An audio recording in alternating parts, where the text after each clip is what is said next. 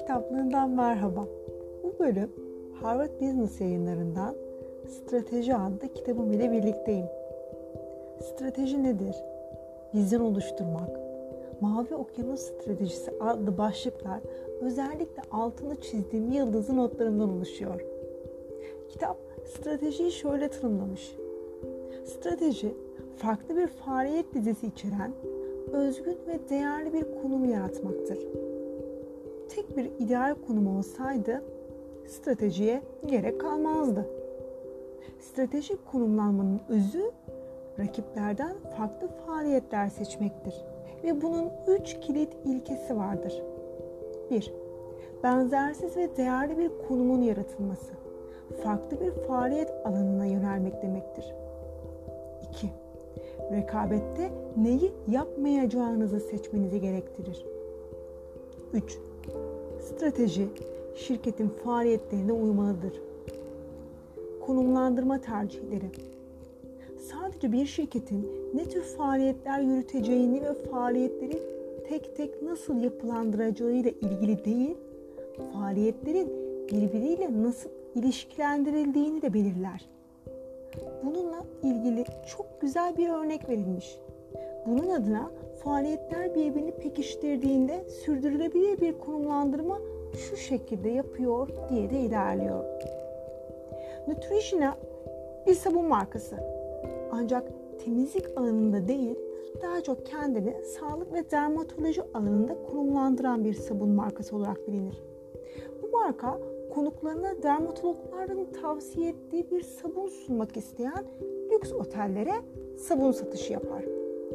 Otel elindeki diğer sabunların üstüne otelin isminin koyulmasını isterken Neutrogena'ya geleneksel kendi ambalajlarında kullanma ayrıcalığı tanır.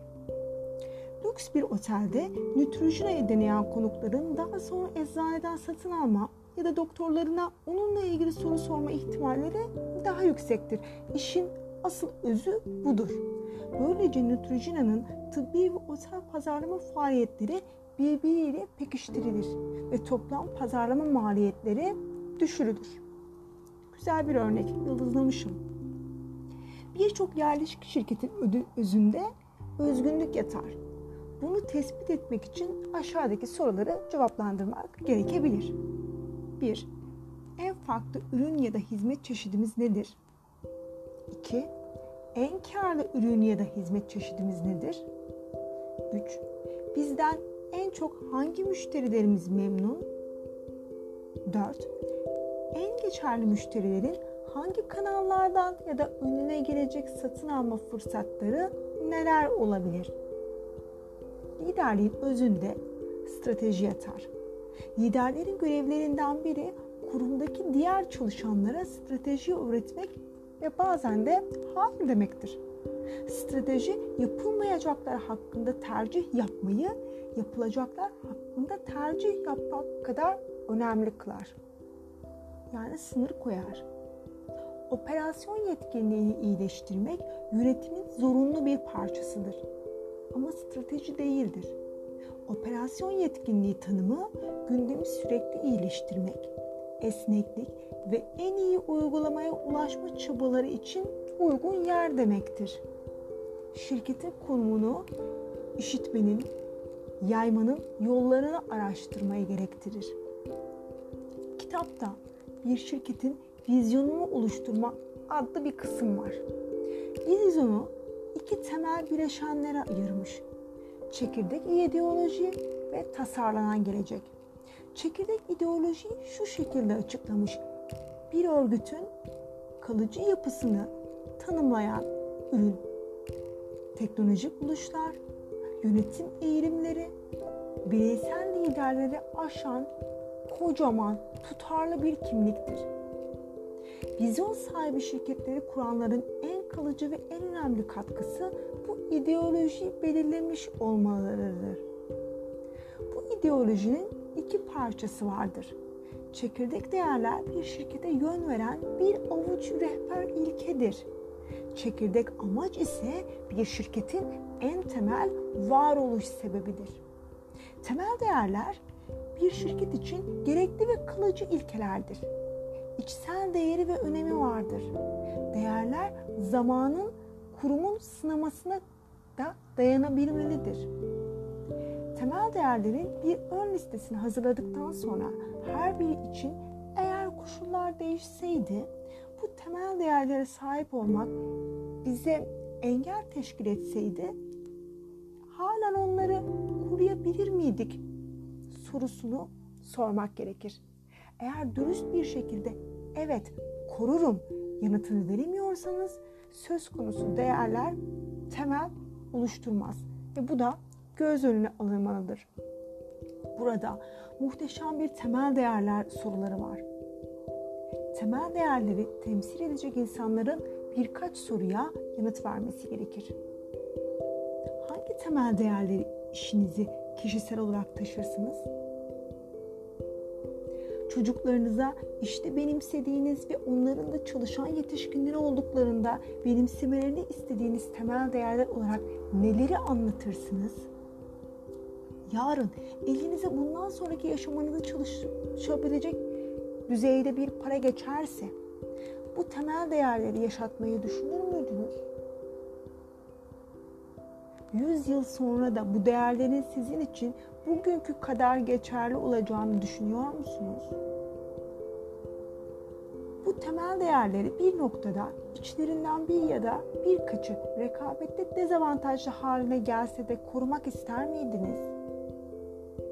Yarın farklı bir alanda yeni bir girişime başlayacak olsanız, sektör ne olursa olsun hangi temel değerleri yerleşik kılmak isterdiniz? İdeolojinin ikinci parçası olan temel amaç işletmenin varlık nedenidir. Biz niçin buradayız? Bu soruya cevap arıyoruz hepimiz. Bu sadece para kazanmak değildir. İçinde daha derin bir anlam aramayı gerektirir. Peki bir şirket çekirdek ideolojisini nasıl belirler? Yazar bunun için dış ortama bakarak bir ideolojiye varamazsınız içe bakarak anlarsınız diyor. İdeolojiyi keşfetmek düşünsel bir araştırma değildir. Hangi temel değerleri taşımalıyız diye sormayın.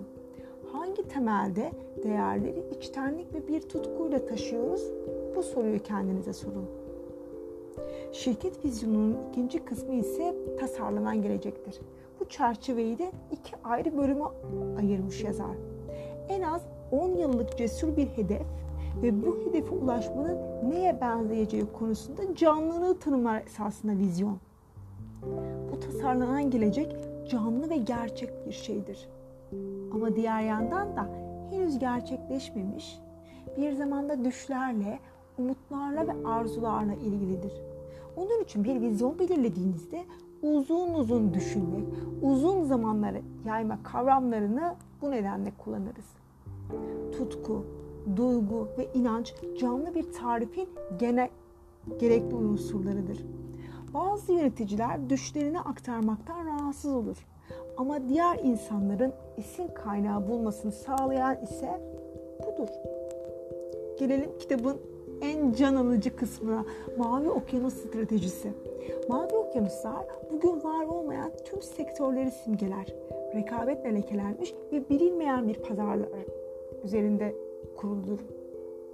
Mavi okyanuslarda talep savaşın kazanılma yerinde yaratılır.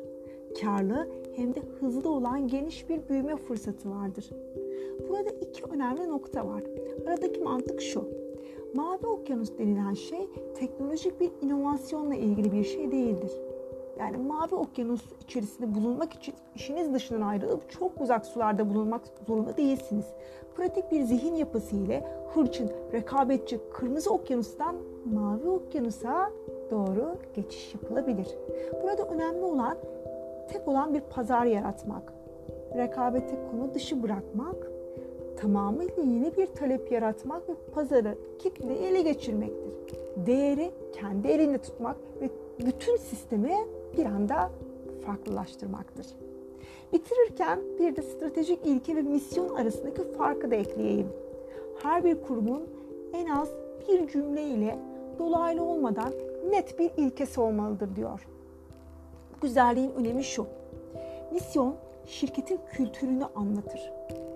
Şirketin bir sorumluluğunu tanımlar. İlke ise şirketin stratejisini yönlendirir. Şirket çalışanları bu misyonu okurken kendi sorumlulukları üzerinden esinlenir. Misyon açıklaması insanlara uğrunda çaba gösterecekleri unsurları anlatırken ilkeler ise harekete geçirici eylem yönelimlerini ifade eder ve insanların bir şeyi hemen şimdi yapmasını sağlar. İlkeler okuyucuda hızlı hareket edebilmek kabiliyetini teşvik eden unsurlardır. Bahar'ın kitaplığı bu bölüm sona erdi. Bir sonraki bölümde görüşmek üzere. Hoşçakalın.